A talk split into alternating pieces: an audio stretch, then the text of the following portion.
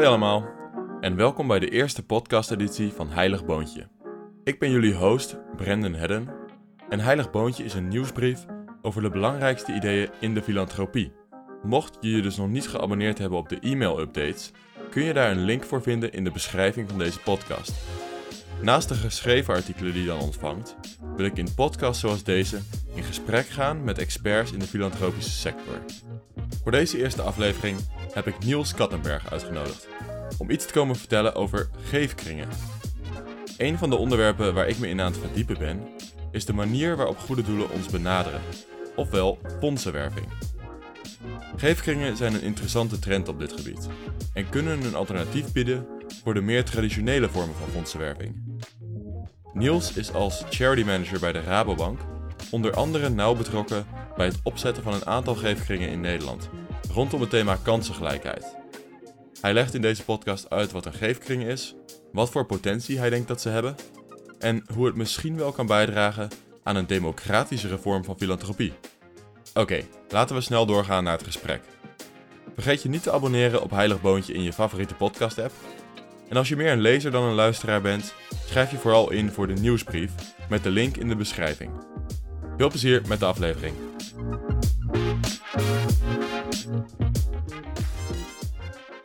Welkom Niels bij de eerste aflevering van Heilig Boontje, de podcast. Dankjewel.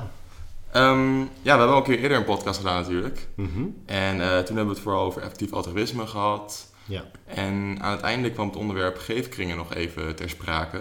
ja, dat En- klopt. Ja, en dat is me op zich wel bijgebleven. Ehm, dus ehm, het leek me leuk om daar nu toch wat meer tijd aan, bij stil te staan. Ja, zou je kunnen vertellen op wat voor manier jij daarmee bezig bent en ehm, ja, wat het een beetje inhoudt? Zeker, ja. En ik kan ook vertellen hoe ooit een geefkring voor het eerst eh, op mijn pad is gekomen. Ja, lijkt me leuk, ja. Eh, dat is denk ik nu eh, zo'n ehm, vijf tot zeven jaar geleden. Ik weet het niet precies, maar dat was in een fase waarin ik zelf nadacht over mijn eigen geven. Mhm. En dat ik nadacht van, ehm, ik wil bijdragen aan goede doelen, maar hoe kan ik dat nou eigenlijk het beste doen? En ik gaf eh, nou 100 euro hier, 100 euro daar. Dat waren voor mij toen ook best wel behoorlijke bedragen.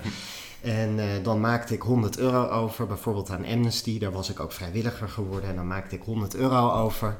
En dan hoorde ik eigenlijk nauwelijks iets terug. En als ik wat terug hoorde, was dat een nieuw verzoek of ik weer een nieuwe donatie wilde doen. En dat was een hele onbevredigende manier van bijdragen voor mij. En ik zat daar voor mezelf over na te denken van dat moet toch leuker kunnen, dat moet toch anders kunnen. En via mijn netwerk, via mijn oud-collega Vera, kwam ik toen eh, in aanraking met een van de eerste geefkringen die in Nederland werden opgericht. Dat was de Give a Damn Foundation. Hoe? De? Give a Damn Foundation. Ja. Ehm, en dat is een geefkring die zich richt op ehm, het eh, bevorderen van LHBT-rechten wereldwijd. En ik werd daar toen eh, lid van. Ik eh, werd deelnemer van die geefkring. ja. En ehm, eh, nou, dat he- heeft mijn geefervaring heel erg veranderd. Eh, ik ging het project, we gingen met elkaar, we vormden een netwerk van deelnemers en met elkaar gaven we eh, geld aan concrete projecten van goede doelen. En eh, ja, dat was mijn eerste aanraking met een geefkring. En ehm, ja, ook een hele leuke ervaring. En inmiddels ben ik er ook professioneel vanuit mijn baan bij Rabobank wat meer mee bezig. Ja. ja, je beschrijft al een beetje hoe dat jouw ervaring van geven toen heeft veranderd. Ehm, zou, je, zou je daar misschien iets, iets verder op in kunnen gaan? En misschien ook nog dan even uitleggen ja, wat, het, wat het dan is aan een geefkring, wat, wat eh, dat verandert, hoe, hoe het een beetje in zijn werk gaat. Een beetje Nou ja, en ook wat een geefkring is. Ja, precies, ja. Want ehm, hoe langer ik met geefkringen bezig ben, hoe meer ik eh, merk dat iedereen een andere interpretatie heeft van wat een geefkring wel of niet is. Ja, Eh, want je hebt ook heel veel culturele instellingen die bijvoorbeeld een geefkring hebben. Ja. Hè? Eh, en ehm, de geefkringen waar ik het specifiek over heb in ons gesprek, Mhm. dat zijn ehm, eh, gezamenlijke vormen van filantropie, waarbij deelnemers hun middelen bundelen en gezamenlijk besluiten aan welke initiatieven zij hun totaal aan middelen geven. ja, Eh, en ik zeg heel bewust middelen, want je ziet dat geefkringen heel vaak meer geven dan alleen geld. Maar dat ze ook hun netwerk inzetten, hun kennis delen met de organisaties die ze steunen. Ehm, en ook uh, dus op andere manieren uh, al die resources die zo'n kring heeft inzetten om maatschappelijke impact te maken. Ja, ja. Um, en um, dat is dus echt iets anders dan een geefkring van een specifieke non-profit organisatie. Ja. Want een geefkring van bijvoorbeeld het Concertgebouw of het Rijksmuseum, dat is een groep van donateurs die aan die specifieke instelling geld geven. Ja. En die worden dan met elkaar gebundeld in een clubje. Um, het leuke van een onafhankelijke of een autonome geefkring, hè, dus waar ik het over heb, Ja. is dat je juist met elkaar je inhoudelijk gaat verdiepen om te bepalen welke goede doelen, waar hebben wij als kring nou wat mee? Wat vinden wij nou de mooie initiatieven uh, om met elkaar te gaan, uh, gaan steunen? Ja. ja, dus je vertrekt eigenlijk vanuit een, een missie, een soort van, toch? Ja. Absoluut. Ja. Ja. dat zeg je inderdaad heel mooi. Deelnemers van een geefkring delen een bepaalde missie met elkaar. Ja. En zij zoeken de initiatieven er zelf bij die die missie helpen realiseren. Ja. En um, wat denk ik ook interessant is om nog wat te vertellen als het gaat over wat is een geefkring nou, is dat je ze in allerlei vormen en maten hebt. Um, je hebt uh, inmiddels uh, nou, duizenden geefkringen op de wereld. Uh, het is een enorme trend geweest in de Verenigde Staten. Ja. Daar zijn er nu zo'n 1500 tot 2000 geefkringen ontstaan in de afgelopen 10, 15 jaar. En je ziet nu dat ook buiten Amerika die geefkringen opkomen. En in Europa zijn er nu, volgens een onderzoek dat is gedaan, een stuk of 80. Nou, pin me niet vast op dat aantal, maar in orders van grootte is het dus echt nog veel kleiner. En je ziet dat dat geefkringen zijn van uh, tien mensen, maar je hebt ook geefkringen van een paar honderd mensen. En je hebt geefkringen die een inleg hebben van 100 euro. En je hebt ook geefkringen die een inleg hebben van 1000 of 50.000 euro. Ja. Dus als je aan mij vraagt wat is een geefkring, dan voel ik ook de behoefte om meteen dat beeld een beetje te nuanceren. En Ja. dus heel duidelijk ook uit te leggen wat een geefkring niet is. Ja, ja. ja maar als hoe ook je hoort inderdaad, is het eigenlijk ja, een missie. En daarbij zit een groep mensen die samen gaat ehm, nadenken of in elk geval eh, eh, samen gaat werken aan die missie. En dat met verschillende middelen doet. Meestal met donaties, geld. ehm, Ja. Maar dat kan ook met, wat, wat je zei, netwerk en andere dingen zijn. Ja, ja. Dat klopt. Ja. Ja. Ehm, ja, het leek me misschien wel makkelijk, want er zitten natuurlijk twee kanten aan zo'n geefkring. De, wat erin gaat is de, de donateurkant en Mhm. de, waar, wat er, waar het heen gaat, de ontvanger. Ja. Ehm, en ik kan me voorstellen dat beide kanten, eh, dat, het, dat het implicaties heeft voor beide kanten. Mhm. Ehm, ik wou misschien beginnen met, met de, de donateur. Dus maar, wat jij beschreef al hoe het jouw ervaring van geven wel heeft veranderen, Ja. veranderd. Ehm, er zit best wel een, ja, een relatieaspect aan, denk ik, toch? Wat het, wat het brengt naar je gevenervaring. Zou je daar misschien iets over kunnen vertellen? Over wat dat bijvoorbeeld voor jou eh, betekent, of wat je van anderen hoort, wat het voor ze betekent? Ja, zeker. Ehm, nou, en als ik dan teruggrijp op mijn eigen ervaring, eh, hè, hoe ik gaf voordat ik lid werd van een geefkring, Ja, dan was dat dus eigenlijk voor mijn gevoel een gift die ik in een black box deed. Ja, ja. Hè, ik, ik, ik deed een donatie, maar ik had eigenlijk geen enkel idee wat daarmee gebeurde, eh, eh, waar het terecht kwam, of ik er goed mee deed of niet. Ik kende die organisatie ook niet persoonlijk, dus ik had ook geen gevoel bij die organisatie. En het belangrijkste was, ik gaf vanuit een gevoel van betrokkenheid, maar ik kreeg er eigenlijk helemaal geen betrokkenheid voor terug. En het mooie vind ik van geven via een geefkring, is dat je dat gevoel van betrokkenheid heel erg terugkrijgt. ja. En om dat wat te duiden, zou ik wel uit willen leggen van wat doe je nou met zo'n geefkring in een jaar?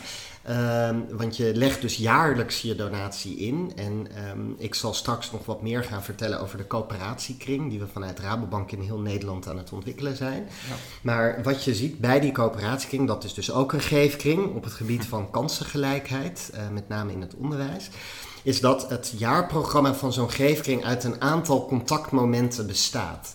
Ehm, tijdens de eerste bijeenkomst van de geefkring ehm, eh, stellen een aantal goede doelen zich voor. aan de kring van deelnemers.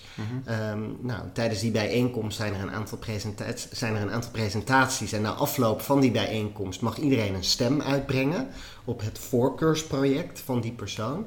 En hoe wij het geregeld hebben bij de coöperatiekring, is dat dan de meeste stemmen gelden en er dan een project gekozen wordt wat het grootste deel van de geefkring het beste project vindt. En dat project volg je dan met de kring gedurende een jaar. Ja. Ehm, en eh, dan zijn er nog twee bijeenkomsten per jaar ergens. Hè. Nou, deze meeting is bijvoorbeeld in eh, januari, februari. Dan is er nog een meeting voor de zomer en een aan het einde van het jaar. In de zomer krijgen we een tussentijdse update van hoe gaat dat project, uh, waar lopen we tegenaan, wat gaat goed. En aan het einde van het jaar krijg je een nou, terugkoppeling van nou, hoe is het project verlopen, Ja. hoe gaat het, wat is de impact geweest. Ehm, en op die manier zie je, eh, ja, heel, of ben je in ieder geval heel erg betrokken bij het verschil wat je als groep met elkaar aan het maken bent met dat geld en die middelen die je ter beschikking stelt. Ja. En ehm, dat eh, zorgt voor een veel groter gevoel van betrokkenheid. Ehm, en daarmee ehm, ja, verandert dus je ervaring tijdens het geven heel erg. Ja. ja, dat kan me voorstellen. Met name dat, dat laatste wat je noemde, of zo'n laatste bijeenkomst waarin je soort van terug gaat blikken op wat er bereikt is. Ik kan me Mhm. voorstellen dat het heel veel eh, uitmaakt voor de ervaring van mensen. Ehm, de ervaring die ze aan hun, aan hun donatie koppelen. Ja. Zeker. En ook tijdens de andere bijeenkomsten ehm, staat de inhoud altijd centraal. Dus Hmm. gelijke kansen in het geval van die coöperatiekring of eh, homorechten in het geval van die eh, Give a Damn Foundation. Ja. Tijdens de bijeenkomsten komen er eh, sprekers aan het woord die interessante dingen vertellen over het onderwerp waar iedereen interesse in heeft. Eh, wat we gedaan hebben bij de coöperatiekring tijdens de laatste bijeenkomst voor de zomer, was dat we de stichting die we hadden ondersteund gevraagd hebben: van zijn er nou nog andere dingen waar jullie behoefte aan hebben, behalve die donatie van ons? Ja. En toen zijn we met elkaar, ge- hè, toen eh, bleek dat er heel veel behoefte was aan netwerk om stages voor studenten te realiseren. Toen zijn we in groepjes gaan brainstormen van waar hebben wij allemaal netwerk Hmm. en waar kunnen wij stageplaatsen regelen voor die studenten. Dus ehm, ja, de impact zien is echt iets wat natuurlijk het heel onderscheidend maakt. Ja. Maar ook het feit dat je andere dingen, dat er een beroep gedaan wordt op andere dingen dan alleen je geld, maakt dat je ervaring gewoon heel anders wordt. Ja. Ja, dat, ja, dat kan me voorstellen dat je dan een stukje betrokkener weer bent. Ja. En dat je er ook een soort van, dat klinkt dan negatief, maar het is natuurlijk positief dat je hierin meegezogen wordt. Maar dat Ja. je er een soort van, eh, ja. Zeker. Ja. Ja. en je ontmoet, eh, als het goed is, eh, natuurlijk mensen die hetzelfde onderwerp als jij heel belangrijk vinden. ja, precies. En die dus ja. ook met hun geld en tijd en, en, en middelen daaraan bij willen dragen. Ja, Dus wat je ziet is dat in die geefkringen vaak soortgelijken elkaar vinden. ja. Mensen die eh, eenzelfde achtergrond hebben of mensen die dezelfde eh, interesses hebben. En het ook heel leuk vinden om elkaar dan te ontmoeten en een netwerk met elkaar op te bouwen. En ehm, ja, ik kan me dus wel voorstellen dat je een stukje autonomie opgeeft als je bij zo'n geefkring gaat, als, als donateur. Ehm, is dat een obstakel wat je bij mensen soms ervaart of zelf hebt ervaren van, ehm, ja, je noemde al dat het meeste stemmen gelden is bij, zo'n, eh, bij de coöperatiekring dus. En Mhm. dat betekent natuurlijk ook dat er een groep is, stel dat 60% voor één project stemt, die, dan is er 40% die niet hun ideale project heeft waarvoor gestemd wordt. Ehm, ja, bij geven is toch vaak dat gevoel dat je zelf gekozen hebt voor een doel, vind, toch, vinden mensen toch wel heel belangrijk of zo. Denk je, gaat dat, ehm, is dat een obstakel? Eh, merk je dat Ja. mensen er last van hebben? Eh, nee, dat merk ik niet. Hm. Ehm, ik denk ook niet dat het een heel groot obstakel is. Ik kan me ook voorstellen dat je niet bij een geefkring gaat als, dat, als je zo'n persoon bent die dat niet. Ja, dat zou kunnen, dat er een soort voorselectie Ja. eh, in zit. Ehm, maar wat ik daar ook wel over denk, is dat ehm, heel veel mensen een betrokkenheid hebben bij een onderwerp. ja, En niet zozeer bij een doel. Dus hè, ehm, ik spreek heel vaak ook klanten van mij die zijn betrokken bij bijvoorbeeld het onderwerp kansengelijkheid. Of Ja. bij gezondheidszorg in Afrika. Ja. En op dat themaniveau ligt de betrokkenheid van die mensen. En of het dan organisatie A of B wordt binnen dat thema, vinden mensen eh, vaak wat minder belangrijk. Ja, Niet altijd, hè? En je kunt er vanuit een effectief altruïsme bril heel veel op afdingen. eh, om dat zo te doen, hè? Want misschien is organisatie A wel honderd keer effectiever dan organisatie B. Dus Ehm, eh, vanuit die, als je er vanuit die bril naar kijkt, kan je daar veel eh, van vinden. Ja. Maar wat ik in de praktijk zie, is dat heel veel mensen ehm, eh, het al een hele grote vooruitgang vinden dat ze überhaupt een concreet project kunnen gaan financieren. Ja. Eh, en of dat dan het project van eh, het ene mooie project van organisatie A of het andere mooie project van organisatie B is. Ik zie in de praktijk dat veel mensen daar wel van denken, nou, ik vind eigenlijk allebei het mooie projecten. Ja. Dus dat dat stemmen, zeg maar, niet een heel heet hangijzer is. Bovendien kun je ervoor kiezen om je geefkring zo in te richten of niet. Ja. Er zijn ook geefkringen die zeggen, nee, wij gaan niet ehm, eh, een alles of niets model hanteren.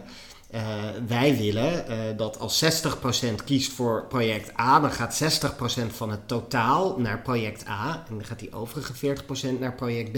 Ja. Hè, dus dat zijn ook nog keuzes die je kan maken bij de invulling van jouw geefkring. Hè, dus hoe wil je dat vormgeven? Ja, ja, ehm, ja een van de redenen dat ik het ook, eh, dit onderwerp in, de, ehm, bij, in de nieuwsbrief, zeg maar, de podcast wou bespreken, is dat ik het ehm, nu bezig ben met de vraag eigenlijk dus of ja, filantropie een eh, transactie of een relatie is. Of je hebt het over dat transactionele of eh, relationele fondsenwerving vaak. En ehm, nou ja, wat jij in het begin eigenlijk beschreef, dat ze maar, ehm, waar je eerst maar, die, dat bedrag gaf, die 100 euro of zo, en daar, dat het dan gewoon in die black box was. Mhm. Dat eh, is natuurlijk die, die transactionele kant, waar je soort van, ja, je hebt iets, je hebt iets gegeven en je krijgt daar in theorie iets voor terug, maar je hebt er niet een... En ik, kan, ik denk inderdaad dat de grote, de grote plus hier is die, ook die relaties die je opbouwt met andere mensen. En, Ja. Ehm, ik kan me voorstellen om misschien nu dan een beetje te schakelen naar de, de kant van de, het goede doel, de ontvanger. Ehm, dat het voor hun ook een, een eh, fijne, maar ook efficiënte manier is om zo'n relaties op te bouwen. Omdat zo'n groep Mhm. zijn natuurlijk relaties met elkaar onderling. Dus daar hoeven ze zelf, zelf kunnen ze natuurlijk in een soort van in één keer honderd mensen een eh, best wel sterke relatie opbouwen. In plaats van Ja. dat ze eh, een campagne moeten, of zeg maar, honderd mensen moeten bellen of per telefoon moeten benaderen Ja. of zo, weet je wel. Ja. Ehm, merk je dat, eh, dat organisaties ook om dit soort redenen ehm gretig zijn om hier aan deel te nemen? Ehm, wat, wat zit er voor hun in, denk je? Ja. Ehm, nou, dat is een hele goede vraag. En jij triggerde mij ook nog met jouw opmerking over transactionele en relationele fondswerving. Dus daar zou ik nog één ding over willen zeggen. Ja, en dan ja. ga ik inderdaad op jouw vraag heel graag in. Ehm, ik denk dat dit inderdaad een hele mooie manier is om die, om die, die eh, voor als gever een soort eh, duurzame betrokkenheid te vinden bij het Ja. maatschappelijke doel wat jij belangrijk vindt. Maar dat neemt niet weg dat ik denk dat ook zo'n grotere organisatie, hè, alle grote goede doelen, ook prima in staat zijn om met hun massafondsenwerving Ja. dat op een relatiegerichte manier in te richten. Ja, ja. Hè? Want ook ehm, eh, eh, uiteindelijk geven is bijdragen aan een bepaald doel. En ook een organisatie als KWF of Amnesty of Greenpeace is in staat om met hun direct marketingprogramma of hun telemarketingprogramma steeds weer terug te haken op wat iemand al heeft bijgedragen en daarin die relatie centraal te stellen. Dat vergt wel de juiste blik en de juiste visie op fondsenwerving Mhm. bij die organisatie. Ehm, maar het betekent, het is niet zo dat reguliere fondsenwerving door grote goede doelen transactioneel is, wat mij betreft. Dus Nee, nee. hè, dat, nee. dat wou ik wel. Het, ook dat kun je, als je het goed doet, heel relatiegericht ehm, inrichten. Nee, nou, maar ik kan me ook voor. Er zijn natuurlijk ook genoeg mensen voor wie transactioneel niet zo'n eh, bezwaar is. Want ja, vorige keer hebben we natuurlijk over het effectief altruïsme gesproken. Ehm, en er zijn heel veel mensen daar, denk ik, waar, of heel vaak waar het geven op een best wel transactionele manier gebeurt eigenlijk. Hè? Zeg maar, je, eh, die goede doelen die marketen of presenteren zichzelf met een soort van ehm, eigenlijk een, eh, een som van eh, als je dit geeft, dan kun je dit bereiken. Mhm. Eh, dan geef je dat en dan, ja, dan zit daar ook niet verder veel meer relatie aan, aan, aan vast. Dus, dat- dus er zijn denk ik ook best wel wat mensen nog die, daar, die dat helemaal niet per se erg vinden. Maar ik kan me Nee. voorstellen voor als je een grote gever bent of zeg maar, of een soort, wat je net zei, die duurzame betrokkenheid wil, wil hebben met je doel. Dat er een soort relatieaspect bij te kijken Ja. moet komen. Nou ja, en zeker vanuit het goede doel Ja, hè, wil je Ja. natuurlijk mensen duurzaam bij jouw missie betrekken. ja. Want je wil niet één keer een gift van hun werven, maar je wil vijf of tien keer een gift van hun werven. En je wilt ook een beweging opbouwen van mensen die samen met jou dat doel nastreeft. Want al die mensen kunnen ook hun stem laten gelden en een petitie tekenen voor jouw missie als dat nodig is. Hè? Dus ehm, die, die, als doel, als goed doel zelf, wil je ook die duurzame verbinding eigenlijk aangaan. Ja, ja, en dat vind ik ook wel interessant aan geefkringen. Dat ze maar, ehm, kijk, los van als goed doel, kun je natuurlijk ook als jij om een bepaald onderwerp geeft en je bent niet verbonden aan een organisatie, kun je een geefkring starten voor dat onderwerp.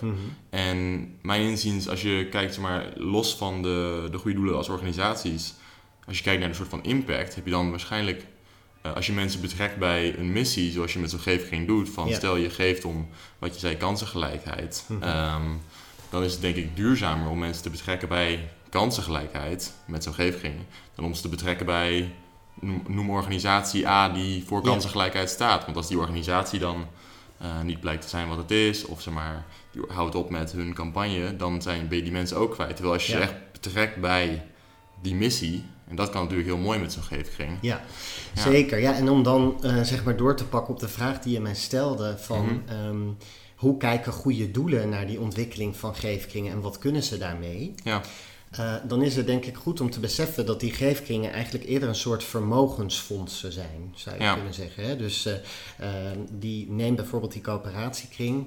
Daar zijn nu in Amsterdam iets van 50 particulieren eh, nemen daar aan deel. Die leggen met elkaar zo'n 80, 85.000 euro in per jaar. En verdelen dat dan weer over concrete projecten. Als goed doel heb je alleen maar iets aan geefkringen als je dezelfde missie deelt. ja, Want zo'n geefkring gaat nooit aan jou geven als je niet helpt die missie van die geefkring te realiseren. Of als je op hetzelfde pad zit. Dus voor goede doelen zijn geefkringen een uitdaging als het gaat om, eh, als het de missie niet aligned is. ja, Want bij een regulier vermogensfonds is daar vaak wat meer speling. Je hebt een heleboel vermogensfondsen die bijdragen aan het algemeen nut. En dan kan je nog wel wat Ja, meer ja. kanten op. Maar bij zo'n geefkring is het juist zo'n eh, typisch element dat het zo'n, nou ja, de missie echt verbindt. Dus ja, goede doelen hebben vaak ook zoiets. Ja, die geefkringen die er nu zijn, die we kennen, ja, die zitten niet op ons, onze missie. Dus ja, daar kunnen we niet zoveel mee. Hmm. Tegelijk, als je wel een eh, verbinding hebt, ja, dan eh, moet je, e- kun je echt heel mooi met elkaar samenwerken. En dan is het voor goede doelen inderdaad heel erg interessant en efficiënt om met een geefkring een relatie op te bouwen. ja, Want ehm, ehm, eh, dan kun je in één keer zo'n groep van bijvoorbeeld 50 particulieren managen. Zonder dat je 50 keer diezelfde inspanning hoeft te leveren. Ja. Maar kun je dat in één keer doen. En je kan eh, ook, als mensen met z'n allen geven, veel eerder maatwerk leveren. Dan dat je dat aan één individu uit die groep zou kunnen doen. ja. Want als je 1000 euro ontvangt, kan je natuurlijk veel minder maatwerk leveren dan wanneer je 85.000 euro ontvangt als goed doel zijnde. ja. Ehm, Ja, ik ben wel benieuwd hoe je denkt dat. ehm, want een van de dingen in fondswerving is natuurlijk de manier waarop goede doelen ons als donateurs benaderen. Ehm, en ja, dat is toch wel een onderwerp wat veel discussie oplevert. Omdat veel, er zijn natuurlijk veel mensen die ja, gewoon vaak lastig gevallen worden. Als je eenmaal in zo'n database staat, dan Mhm. weet, weet je telkens weer te vinden. ja. Eh, los van zeg maar deur aan deur en collectanten, waar, waar mensen natuurlijk ook niet allemaal even groot fan van zijn. Ehm, stel dat je zeg maar, stel dat geefkringen iets, een soort groter fenomeen wordt, of zeg maar, iets is wat, wat een meer eh, normale manier van geven wordt, waar veel gevers gebruik van maken. Hoe denk je dat dat verandert hoe goede doelen ons als donateurs benaderen? Want ik kan me voorstellen dat het een andere aanpak vereist eh, van, van hun kant. Dat, ze, ja, dat je een toch andere soort campagnes moet opzetten. Of zoiets. Mhm. Ehm, Nou, ik denk allereerst niet dat geefkringen, ik, ik denk het niet, een hele grote invloed gaan hebben. Ja. eh, op de manier waarop er gegeven gaat worden. Hè, want eh, stel, er komen er nog 100 bij. Hè, Ja. eh, en er zijn nog 100 keer 50 mensen, of misschien nog wel, wel du- 1000 keer 50 mensen die lid worden van zo'n kring. Dan heeft dat impact, maar in de grand scheme of things, zeg maar, is dat toch nog steeds een beperkte impact, denk ik, als het gaat om wat er in totaal in Nederland gegeven wordt. ja. Hè, ehm, ik denk wel dat het voor een bepaalde groep echt een interessante propositie is om, om je aan te verbinden. Je hebt, zeg maar, grofweg, als ik het eh, heb verdeel, heb je een hele grote groep mensen die eh, jaarlijks 100 tot een paar honderd euro geeft. Mhm. Daarvoor is zo'n geefkring niet per se de meest geschikte variant. Dat zijn vaak mensen die geven reactief of accept, op acceptgiro's, maken af en toe zelf wat over naar goede doelen waar ze wat mee hebben. Uh, en die zoeken ook niet heel veel betrokkenheid. Dat is een, een manier van geven die ze gewend zijn en ja, dat is oké. Um, uh, je hebt daarnaast een groep die echt groot geeft. En die wordt vanuit goede doelen nu vaak met relatiemanagement bediend. Dus als jij 10.000 euro geeft, krijg jij bij uh, UNICEF bijvoorbeeld een relatiemanager die jou persoonlijk op de hoogte houdt van de impact die jouw gift heeft. Ja, ja. Nou zit er een gat tussen die gevers van een paar tientjes en van 10.000 euro.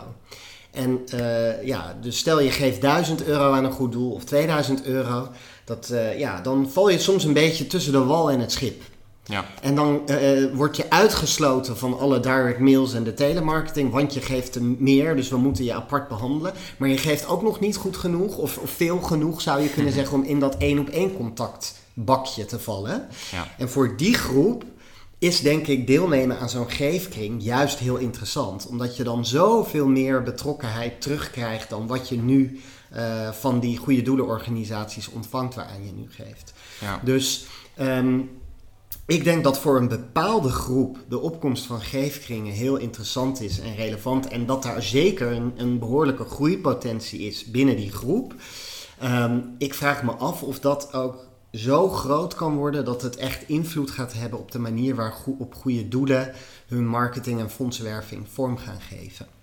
Ja, ja dat is een interessant punt. Er was inderdaad ook een vraag die ik had. Um, wat, wat zeg maar, de schaal van de potentiële schaal van het idee is inderdaad. Want je natuurlijk, ik kan me voorstellen uh, als je het over een paar uh, die meetings die je hebt. Als je, als je, ja, als je een tientje per maand of zo doneert, dan ga je waarschijnlijk ook niet naar vier, vier middagen van een meeting of zo natuurlijk. Weet je wel? Dat, dat is best wel een tijdsinvestering in verhouding met wat je geeft. Ja. Um, dat zijn sowieso bovengemiddeld betrokken uh, gevers, inderdaad. Ja. Maar ja, ik kan me natuurlijk wel voorstellen dat een hoop mensen zijn die in die, um, die kleine gevercategorie die je net beschreef zitten, um, die eigenlijk nu geen reden zien om meer te gaan geven, of daar terughoudend in zijn, of daar niet per se weten, ja, niet per se zulke grote bedragen willen committen zonder dat ze daar iets voor terugkrijgen of iets weten. En dat die misschien in een iets grotere groep kunnen worden ge, getrokken ehm, als ze op een andere manier benaderd worden. Dat denk ik wel, dat daar inderdaad potentie zit. Hè? Dus in die groep van tientjesgevers,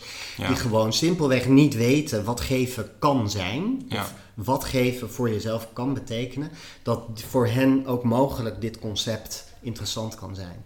Maar mijn gut feeling, zeg maar, zegt mhm. niet dat dat zo groot kan worden dat er ineens uh, duizenden geefkringen zouden ontstaan of zo. Dat, dat, dat zie ik niet gebeuren. Ik, ik zie dit als een hele interessante trend voor een heel specifiek segment um, gevers.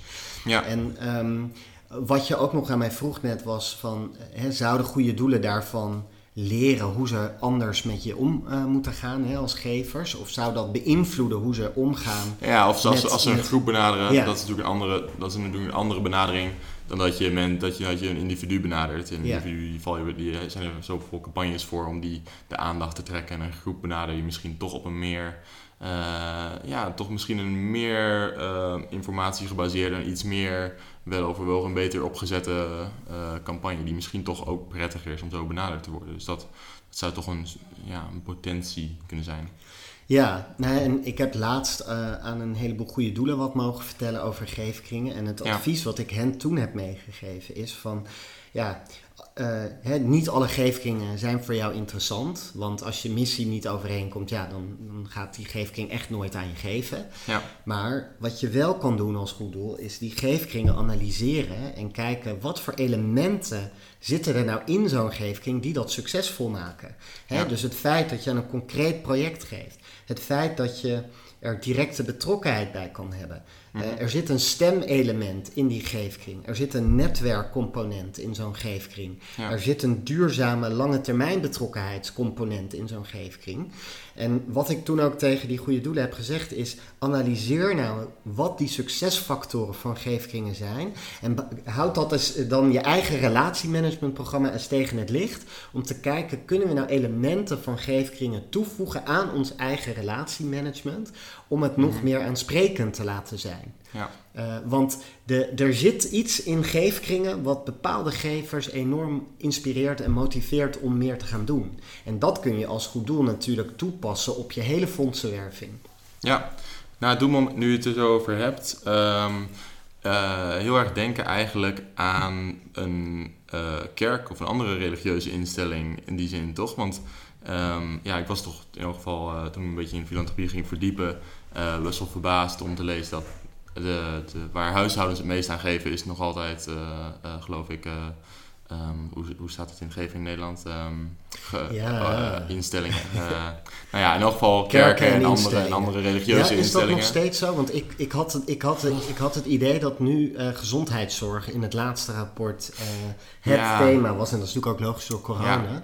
Maar helemaal zeker weet ik dat ook niet. Maar staan, het, het, in ieder geval wordt er altijd veel aan kerken het is een enorm, Het zijn enorme bedragen in elk geval. Um, en um, als, je er zo, als je het zo gaat vergelijken met een geefkring, dan zitten er best wel veel vergelijkbare elementen in. In de zin dat er een community aspect in zit. Um, er is een soort, weet je wel, er zijn uh, bijeenkomsten waar mensen, mensen geven bedragen aan die kerk. En kerken zijn natuurlijk ook, um, die geven ook door aan andere instellingen, weet je wel. Dus het is ook een soort van, je steunt de missie. En die missie is natuurlijk daar, een, heeft een religieuze aard.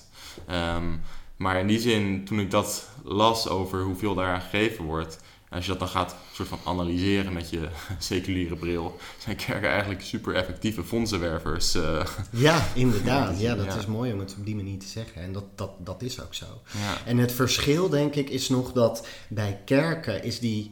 Um, die, die religieuze component, zeg maar, de, de shared identity van de groep. Ja. Dus dat is het verbindende element dat bij een kerk. Dat is de missie, een soort van... Ja, ja. ja ook echt dus het, wat mensen verbindt, is, is religie.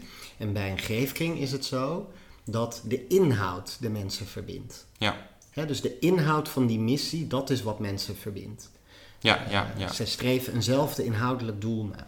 Ja. Ja. Um, ja, maar het is inderdaad interessant ook, los van de potentie van geefkring zelf, om te kijken naar welke elementen daaruit um, um, ja, toch toepasbaar zijn in de bredere zin. Absoluut. Uh, ja. En hoe reageren uh, goede doelen daarop? Uh, hoe, ik heb er niet echt reacties op nee. gehad, heel eerlijk gezegd. maar ik denk dat ze, en, en, kijk, goede doelen doen natuurlijk al ontzettend veel goed. Hè? Ik bedoel, de dingen die ik noem net, dat ja. zijn geen nieuwe dingen voor veel grote goede doelen. Ja. Ze, ze, ze doen al heel veel van die dingen. Ja. Um, het, het, uh, waar het denk ik dan om gaat, is het toepassen van die technieken op andere segmenten binnen je fondsenwervingsstrategie. Want ja, ja. Die, die, die elementen die ik net benoemde, worden vaak voorbehouden aan uh, de grotere gevers. Um, en uh, ja, je zou ook na kunnen denken over creatieve manieren om toch dat soort elementen in te brengen voor over je, al je donateurs. Ja. En een heel simpel voorbeeld is bijvoorbeeld. Um, He, bij, uh, uh, bij, grote gevers, die worden vaak in contact gebracht met bijvoorbeeld uh, artsen of onderzoekers als ze een bepaald wetenschappelijk onderzoek financieren. Dan hebben ze daar persoonlijk contact mee. En die arts vertelt dan persoonlijk, nou, dit is het onderzoek, dit is, daar, dit is waarom het belangrijk is en dit is de voortgang en aanpak. Ja. Ehm, je kan dat ook in een webinar online doen voor 400 mensen tegelijk, bij wijze van spreken. En dan breng je toch daarmee datzelfde element in. Uh, voor andere segmenten en doelgroepen in je fondsenwerving. Ja. Ja, dus in die zin is, is, is die trend van zo'n geefkring is wel interessant om van te leren voor je hele fondsenwerving. Ja, ja het is me wel, of zeg maar, wel vaker opgevallen dat um, je natuurlijk het proces vooraf aan een donateur werven. Um, en dan heb je wat er daarna komt. En dat er bij, bij heel veel kleine giften houdt daarna heel snel in één keer op eigenlijk. Of zeg maar, de, ja, behalve dat je dan binnenkort nog een keer gevraagd wordt voor een ja. donatie. Maar uh, ja, dus uh, het, het, het achterlaten van tevreden donateurs natuurlijk.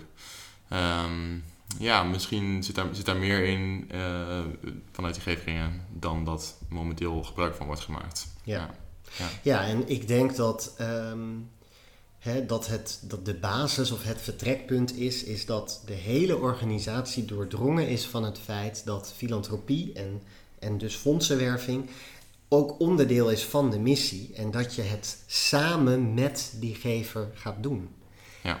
En heel veel goede doelen uh, hebben met name de inhoud als de missie en uh, ja, fondsenwerving nou ja, ik wil niet zeggen wordt gezien als een noodzakelijk kwaad, want dat is, dat is niet zo. Ehm, eh, maar ehm, het is, het, en, en ik bedoel, het moet nooit primair zijn, want het is uh, natuurlijk, het faciliteert aan je missie, maar het verdient wel een belangrijke rol. Uh, als je ook, en en als, als dat gebeurt, dan voel je dat als donateur in de uiting die je ontvangt. Ja, ja, ja. Ja. Um, ja. En een ander ding waar we het de vorige keer volgens mij even kort nog over hadden, um, was, uh, ja, je had dus een artikel toen geschreven in vakblad Fondsenwerving, geloof ik, over de democratisering, of zeg maar, net in het Financieel Dagblad heb je een stukje geschreven, ja. over um, ja, de, uh, de, democratisering van de filantropie en de rol die ja. geefkringen daarin zouden kunnen spelen. Um, zou je dat punt misschien even kunnen, even kunnen uitleggen? Zeker. Ja, uh, ja, waar begin ik? Um, nou is het zo, um, grote gevers, hè, uh, veel grote gevers, en dat is ook heel begrijpelijk, die willen graag aan iets concreets geven. Uh, dus stel je geeft 50.000 euro, dan merk ik dat heel veel van mijn klanten het heel prettig vinden om dan een beetje te weten waar dat aan gegeven wordt. Ja. Hè, als je een tientje geeft, denk je, nou, ik geef een tientje aan Amnesty, prima, succes, hartstikke mooi. Mm-hmm. Als je 50.000 euro geeft, zitten veel mensen daar toch vaak wat anders in. Dan willen ja. ze weten waar dat dan precies naartoe gaat, wat er van gefinancierd wordt. Ja, dus je wil niet dat die 50.000 euro is verspreid over 50 scholen. Je wil dat er één school van wordt gebouwd en dat je weet waar die staat en dat je die kan zien. Ja, bij, bij wijze van ja. spreken is dat inderdaad. Uh, ja, ja, je wil niet dat, dat, uh, ja, dat je geen idee hebt wat ermee gebeurt. Dat is best heel begrijpelijke behoefte, vind, ja, ik, dat, uh, ja, vind ik zelf. Zeker. Um, maar dat betekent ook dat um, grote gevers, als je al die giften bij elkaar optelt en dat analyseert, dan um, ja, hebben grote gevers best een, een, invloed op wat wij als samenleving maatschappelijke prioriteiten vinden. Ja. Um, nou moet ik dat voor Nederland wel direct nuanceren, want in Nederland zijn de huishoudens verreweg de grootste gevers. Of ja. uh, bedrijven, uh, ja. bedrijven in de nieuwste uh, geven in Nederland trouwens. Maar bedrijven en um, huishoudens nemen het leeuwendeel van de donaties voor hun rekening in Nederland. Uh, maar uh, dat neemt niet weg dat grote gevers door nou ja, hè, bepaalde onderwerpen heel belangrijk te vinden, toch hun stempel kunnen drukken op maatschappelijke prioritering. Ja. En als samenleving betalen wij vaak mee aan de giften die grote gevers doen via de giftenaftrek. Ja, ja dat is misschien wel een belangrijk punt om nog even toe te lichten voor mensen die misschien ja. niet helemaal weten hoe dat werkt. Um, ja. Ja, nou ja, hè, als, als grote gever kun je je giften aftrekken van de, in je BV of in privé. En uh, dan krijg je een deel van jouw gift weer terug. Ja. En die krijg je van de samenleving, omdat jij iets financiert wat maatschappelijk nut heeft. Ja, uh, alleen die definitie van maatschappelijk nut is heel breed. Uh, dat is in zichzelf misschien ook niet verkeerd. maar dat betekent wel dus dat grote gevers um, uh, nou ja, invloed hebben op de maatschappelijke prioriteiten. En in het uh, artikel in het FD noemde ik een voorbeeld van Elon Musk. Die heeft een, uh, een, een gigantische donatie gedaan in 2021 van, nou ik weet het niet meer uit mijn hoofd, maar echt van miljarden dollars. Mm-hmm. Um, waarvan nu niet duidelijk is waaraan hij dat heeft uh, gegeven. Terwijl de Amerikaanse samenleving daarvoor een miljard dollar aan heeft meebetaald. En je kunt je afvragen hoe wenselijk en hoe democratisch dat eigenlijk is. Ja. En daarom uh, uh, nou ja, gaf ik in dat stuk het voorbeeld van geefkringen. Waarbij ik eigenlijk dat een heel mooie manier van democratisering van filantropie vind. Omdat bij een geefkring aan een geefbeslissing een veel breder draagvlak ten grondslag ligt dan wanneer één persoon iets belangrijk vindt. Want bij een geefkring, in het voorbeeld van die coöperatiekring in Amsterdam, heb je 50 mensen die met elkaar besluiten: dit is het project wat wij met z'n allen willen gaan financieren. En daar zit dan, uh, dat is dan niet ja, de keuze van één, maar dat is de keuze van een heleboel mensen. En ja. er zijn dus ook mensen, zoals jij net zelf al aangaf, die moeten accepteren. Nou ja, ik vond het andere project net wat mooier, maar ik vind dit toch ook, uh, daar gaat mijn gift toch ook heen. Ja. Um, dus ja. Ja, um, ja, nee, ik vond het wel, ik vind het sowieso. Ja, kijk, ze hebben het natuurlijk vaker over filantropie als het is natuurlijk zo van stemmen met je geld eigenlijk. Want het is natuurlijk voor een deel uh, belastinggeld wat je eigenlijk uitgeeft. En dat betekent ook dat de mensen die het meeste te geven hebben ook eigenlijk meer invloed, eigenlijk meer stemmen kopen daarmee. Eh, en dus inderdaad maatschappelijke prioriteiten stellen tot op zekere hoogte. Ehm, ik vraag me dus af hoe, hoe zou, hoe zou zo'n geefkring, dat snap ik nog niet helemaal, zo'n geefkring dan dat herverdelen? Want je wil natuurlijk eigenlijk dat die, die invloed die je hebt iets evenrediger wordt, toch? Eh, Mhm. En ik neem aan dat in een geefkring, is dat altijd zo? Dat iedereen hetzelfde bedrag inlegt? Nee, Oké, ja, want ik kan me voorstellen als één iemand heel veel inlegt en één iemand heel weinig, je hebt allebei één stem, dan heb je inderdaad een eh, stuk ja, dat is dus het geval. Ja, ja. In, ehm, eh, in de Geefking eh, in Amsterdam, maar ook, hè, want toch nog heel even voor de context, want ik heb het Ja. steeds over die coöperatiekring. Wat is dat nou? Vanuit Rabobank zijn we voor klanten van private banking geefkringen in Nederland aan het ontwikkelen. En die heet de coöperatiekring. Ja. En dat is een geefkring die zich richt op gelijke kansen voor kinderen in een bepaalde regio. En eh, we hebben nu zo'n kring in, eh, in Amsterdam, in Friesland, in eh, de regio Leiden-Haaglanden en in de regio Groot-Rotterdam. En we zijn dat nu weer verder aan het uitbreiden. Ja. En wat we zien in zowel, in, eigenlijk in alle vier de kringen, is dat een groot deel 1000 euro geeft. Want je kunt meedoen met een donatie vanaf 1000 euro. Maar in al die kringen zijn ook mensen die 5000 euro geven of 10.000 euro. Er is zelfs iemand die 20.000 euro inlegt. Oh ja. Er zijn mensen die, nou, 2, 2,5. Dus er is een diversiteit aan inleg en iedereen heeft één stem. Ja, oké, ja. Dus daar zit iets eh, hè, in Ja, van ja. gelijk trekken. Maar ook het feit dat als 60% kiest voor project A, die overige 40% daarin meegaat. En dus ook zijn geld beschikbaar stelt voor project A. Ja. Ook dat is een eh, element wat democratischer besluitvorming is dan wanneer je alleen besluit: dit vind ik belangrijk. Ja, en hoe, en hoe, hoe verhoudt dat zich dan tot die, die eh, echt grote gevers waar je het net eh, over had en, eh, en hun invloed? Is het dan een soort van, zie je het als een soort van tegenwicht? Of, is het een soort van, of zou, zou die zo'n grote gever ook in zo'n kring moeten betrekken voordat het... Ja, nou ja, ik, dat, is een, dat is een hele goede vraag. Want ik denk dat di- dit dus ook weer uitermate geschikt is voor die tussencategorie waar ik het net Ja. over had. Hè? Dus die groep mensen die niet zo groot geeft dat ze echt al één op één dat doen. Ja, als je zelf al zo'n Ja. enorme bedrag kan, kan Ja. ophoesten, dan kan ik me voorstellen dat je denkt van nou, ja, ik, ik zoek het uit of ik laat iemand het uitzoeken. Ja. Ja. Ja, maar ik denk dat er. ehm, ik zou het een onwijs interessant experiment vinden om echt grote gevers in zo'n geefkring te hebben. En ehm, ik denk ehm, dat dat eh, eh, mensen vraagt die in dit gedachtegoed geloven en in die visie geloven. En beseffen dat filantropie ongelijkheid moet verkleinen. En dat het belangrijk is dat filantropie democratisch ook ingericht wordt. Ja. En eh, ik denk dat ehm, dat dan heel interessant kan zijn. Maar ik, ik, ik, als ik nu daarover nadenk, ook over mijn klanten die dan allemaal hun eigen voorkeuren los zouden moeten laten. En met die echt grote Ja. giften in zo'n kring moeten. Daar zie ik heel veel uitdagingen en, eh, en, en, en obstakels nog. Omdat mensen in hun denken daar denk ik gewoon nog niet zo aan toe zijn. Eh, en in hun denken, als het gaat om filantropie, nog heel erg zit op wat vind ik belangrijk. ja. Waar heb ik een gevoel mee en wat wil ik dan daarmee financieren? Ja, ja, nou dat zie je ook al met eh, de hoeveelheid eh, gedoe rond belastingen. Die we, hoe moeilijk het is om hele rijke mensen belastingen te laten betalen Ja. hier. Dat is natuurlijk eigenlijk Ja. wat, in feite wat je een soort van probeert te doen. Maar het zou wel een heel interessant, ja, wat je zegt, experiment zijn. Als je een grote gever zover kan krijgen om ze maar allemaal kleine, met allemaal kleine gevers in een geefkring te stappen. Ehm, en die zeggenschap te, te delen. te nivelleren, zo gezegd, Ja. inderdaad. Ja. Ja. Ja. En ehm, een ander element als het gaat om, om, om ja, democratisering of ehm, het bevorderen van gelijkheid in de filantropie, laat ik het zo zeggen, dat is wat Ja. mij betreft een andere trend die ik zie en dat is participatory grantmaking. Ja.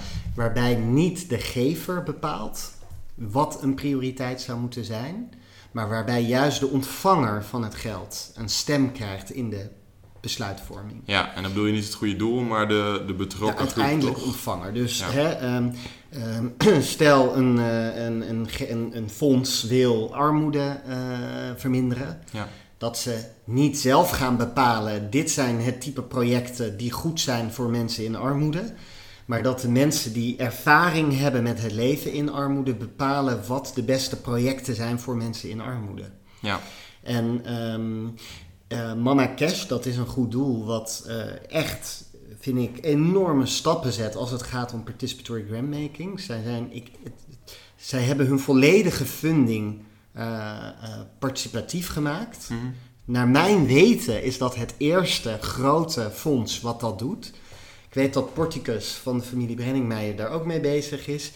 Internationaal gezien zijn een aantal grote vermogensfondsen er ook mee bezig. Maar Mama Cash is Nederlands uh, ook. Mhm. En um, Mama Cash doet dat volledig participatief nu. En ik heb hun daar uitgebreid over gesproken. En wat ze mij vertelden uh, was dat een aantal van hun grote gevers nu specifiek aan Mama Cash geeft, omdat dat participatief is. Ja. En ik denk dat op diezelfde manier wellicht ook een aantal gevers dermate geïnteresseerd zou kunnen zijn in dat democratiseren van filantropie, dat ze ook bijvoorbeeld een geefkring heel interessant zouden kunnen vinden. Ja. Dus dan zijn dan mensen die een, uh, zeg maar niet voor het onderwerp alleen een passie hebben, maar ook voor de manier van geven. Of de manier van uh, filantropiebedrijven, zeg maar. Uh, en dan bedoel je dat participatieve? Ja, of het, of het dus dan, gezamenlijke. Dus ja. je, je, bedoelt dan inderdaad um, dat een geefkring de organisatievorm is en dat de missie van die geefkring is om participatief grantmaking voor een onderwerp? Nou, nee, wat ik bedoel is dat ik gezien heb dus, of gehoord heb van Mama Cash, dat zij Ja. nu nieuwe gevers aan de organisatie weten te verbinden die Ja. specifiek aangaan op het feit dat zij hun funding participatief hebben ingericht. Ja, precies. Ja, Dus dat daar mensen nu op afkomen die ook dat specifiek interessant vinden. ja oké. ja. Dat zou ik ook bij geefkringenvormen kunnen zien. Dat er mensen zijn die dat democratische besluitvorming dermate belangrijk vinden. Dat ze daar specifiek op afkomen. Nog Ja. meer nog dan de missie van die kring specifiek. Ja, dus je kan, ik kan me een geefkring voorstellen. Stel je hebt het over zo'n coöperatiekring voor kansengelijkheid.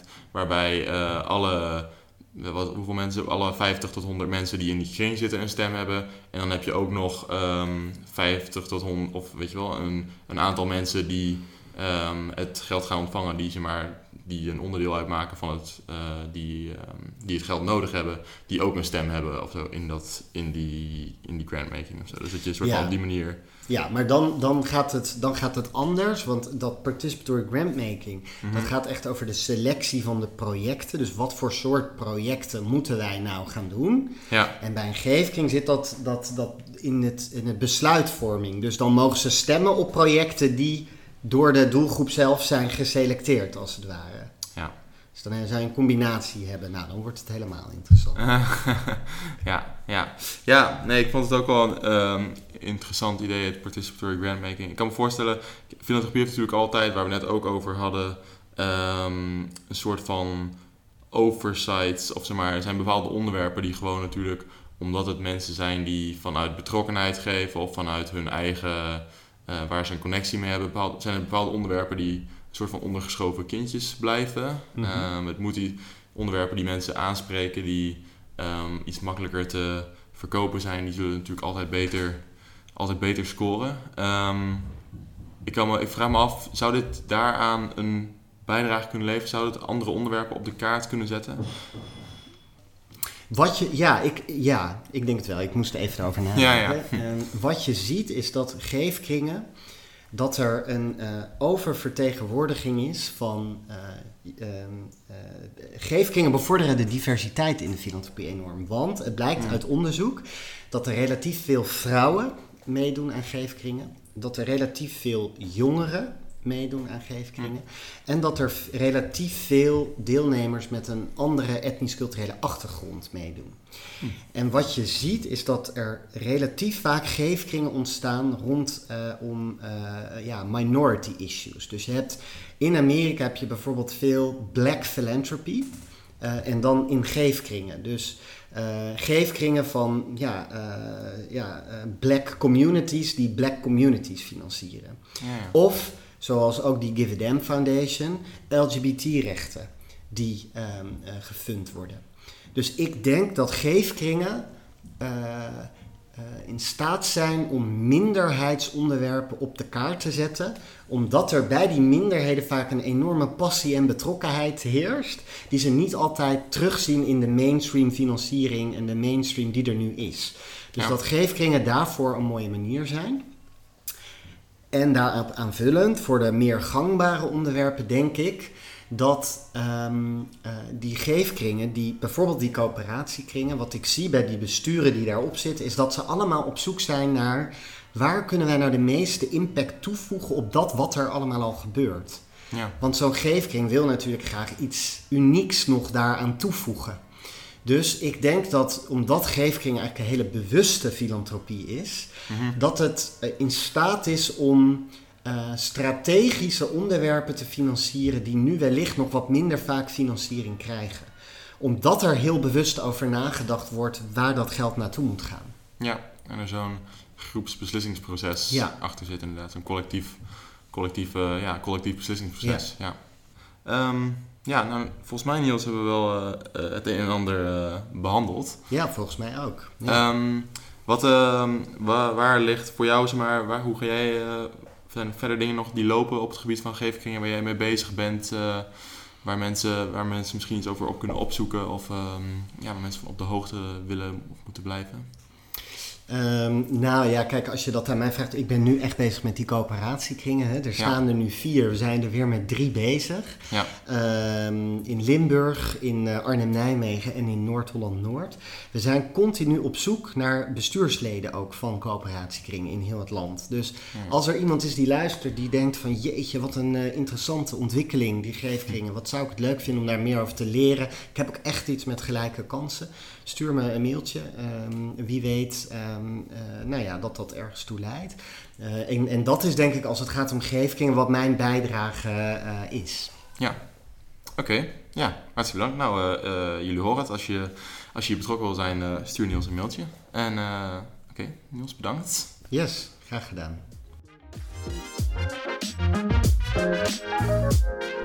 Oké, okay, dat was het voor deze eerste aflevering van Heilig Boontje. Heel erg bedankt voor het luisteren en ik hoop dat je het leuk vond. Mocht je meer van me willen lezen of horen, kun je je met de link in de beschrijving inschrijven voor de nieuwsbrief. Niels en ik hadden het er al even over in het interview, maar ik ben me nu aan het verdiepen in relationele en transactionele fondsenwerving, dus waarschijnlijk ontvangen jullie daar binnenkort een artikel over. Mocht je dus tips hebben voor onderwerpen of mensen die ik moet spreken, hoor ik het natuurlijk graag. Je kunt me bereiken op het e-mailadres in de beschrijving. Oké, dat was voor deze eerste editie van Heilig Boontje. Bedankt en tot de volgende keer. thank you